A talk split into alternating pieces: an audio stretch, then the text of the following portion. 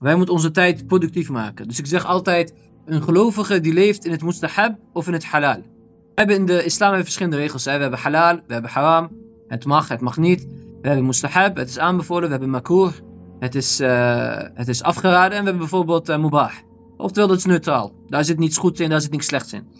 Maar we zeggen altijd dat als een gelovige probeer je altijd je tijd altijd halal te besteden. Maar ook zoveel mogelijk uh, mustahab. Bijvoorbeeld als je niks te doen hebt, pak een sibha, zeg subhanallah of alhamdulillah of la ilaha illallah. Het werken ook.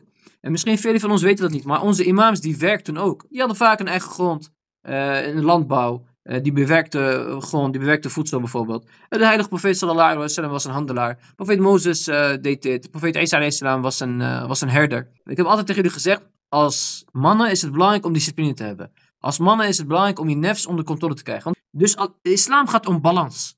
Alles wat wij doen is gebalanceerd. Dingen doen, ja. Te veel? Nee. Te weinig? Nee. Uh, ibade, ja. Te veel ibade. Er is een, uh, er is een vrouw in de tijd van de heilige profeet, uh, sallallahu alaihi wasallam, naar, naar de profeet gekomen en ze klaagde over haar man. En ze zei, o heilige profeet, mijn man is nooit aanwezig thuis. Hij is alleen maar in de moskee aan het bidden in de nacht, in de ochtend, in de middag. Wij zien hem nooit. De profeet werd boos op die man. Hij zegt, waar ben je mee bezig? Alhamdulillah. Eh, de islam is gekomen, aanbidden van Allah subhanahu wa ta'ala, maar je hebt een gezin.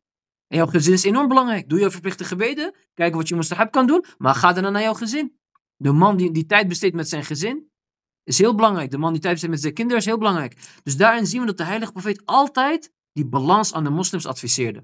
Dat je veel uh, geld verdient, betekent dat je haam dingen moet doen? Er zit daar niks geers in. Oké, je pakt geld, maar en dan?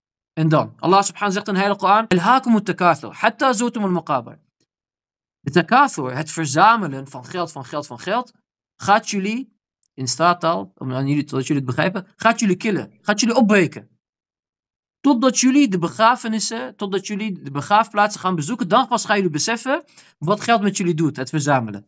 Als je, daar, als je het geld verzamelt voor een goede reden, om uit te geven aan je familie, uit te geven aan jouw gezin, uh, goede, goede doelen mee te steunen, je gemeenschap mee te steunen, uh, broeders, zusters mee te steunen. Alhamdulillah. Al ben je biljonair, al ben je miljonair, Allah subhanahu gaat jou inshallah de hemel inschenken. In We weten, profeet Suleiman was de rijkste van de rijkste. Maar was een profeet van Allah subhanahu wa ta'ala. Dus het zijn van een rijk persoon, het hebben van bezittingen, is niet iets slechts. Dat moeten we beseffen. Maar balans is belangrijk. Wat doe jij met jouw geld? verdien je jouw geld op een halal manier?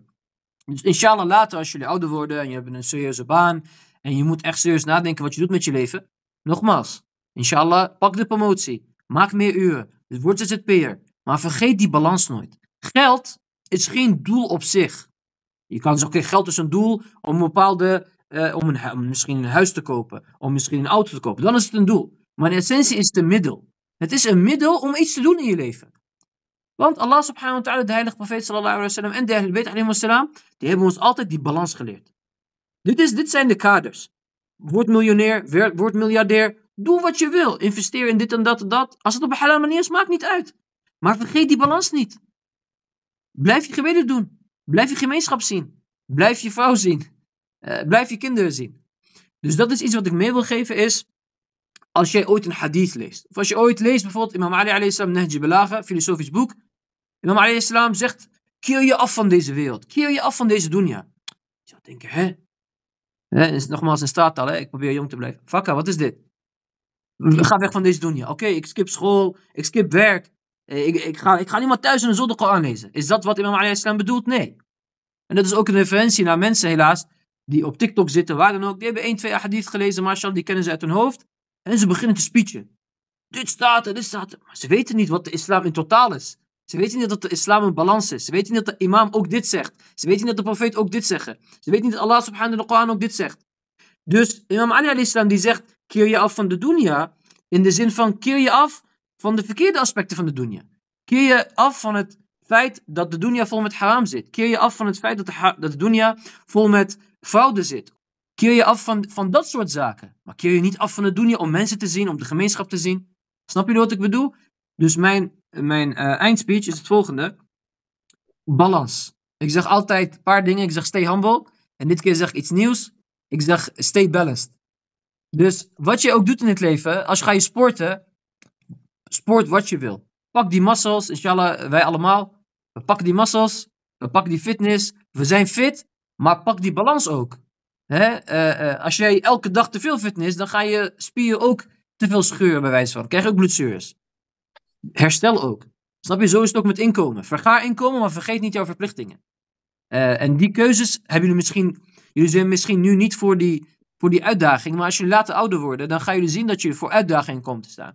Maar als je nu niet je huiswerk doet, als je nu niet jezelf traint, dan ga je die uitdagingen niet, eh, niet, niet de juiste manier afsluiten, inshallah. Daarom nu, als je jong bent, moet je investeren in bepaalde kennis en wijsheden. In het hebben van een schoon hart. Zodat als die uitdagingen naar je toe komen, als die ibtila, als die beproevingen naar je toe komen, dat je die op de juiste manier kan afsluiten, inshallah. وآخر دعوانا الحمد لله رب العالمين وصلى الله على سيدنا محمد وآل بيته الطيبين الطاهرين اللهم صل على محمد وآل محمد أحسنت سيد أحسنت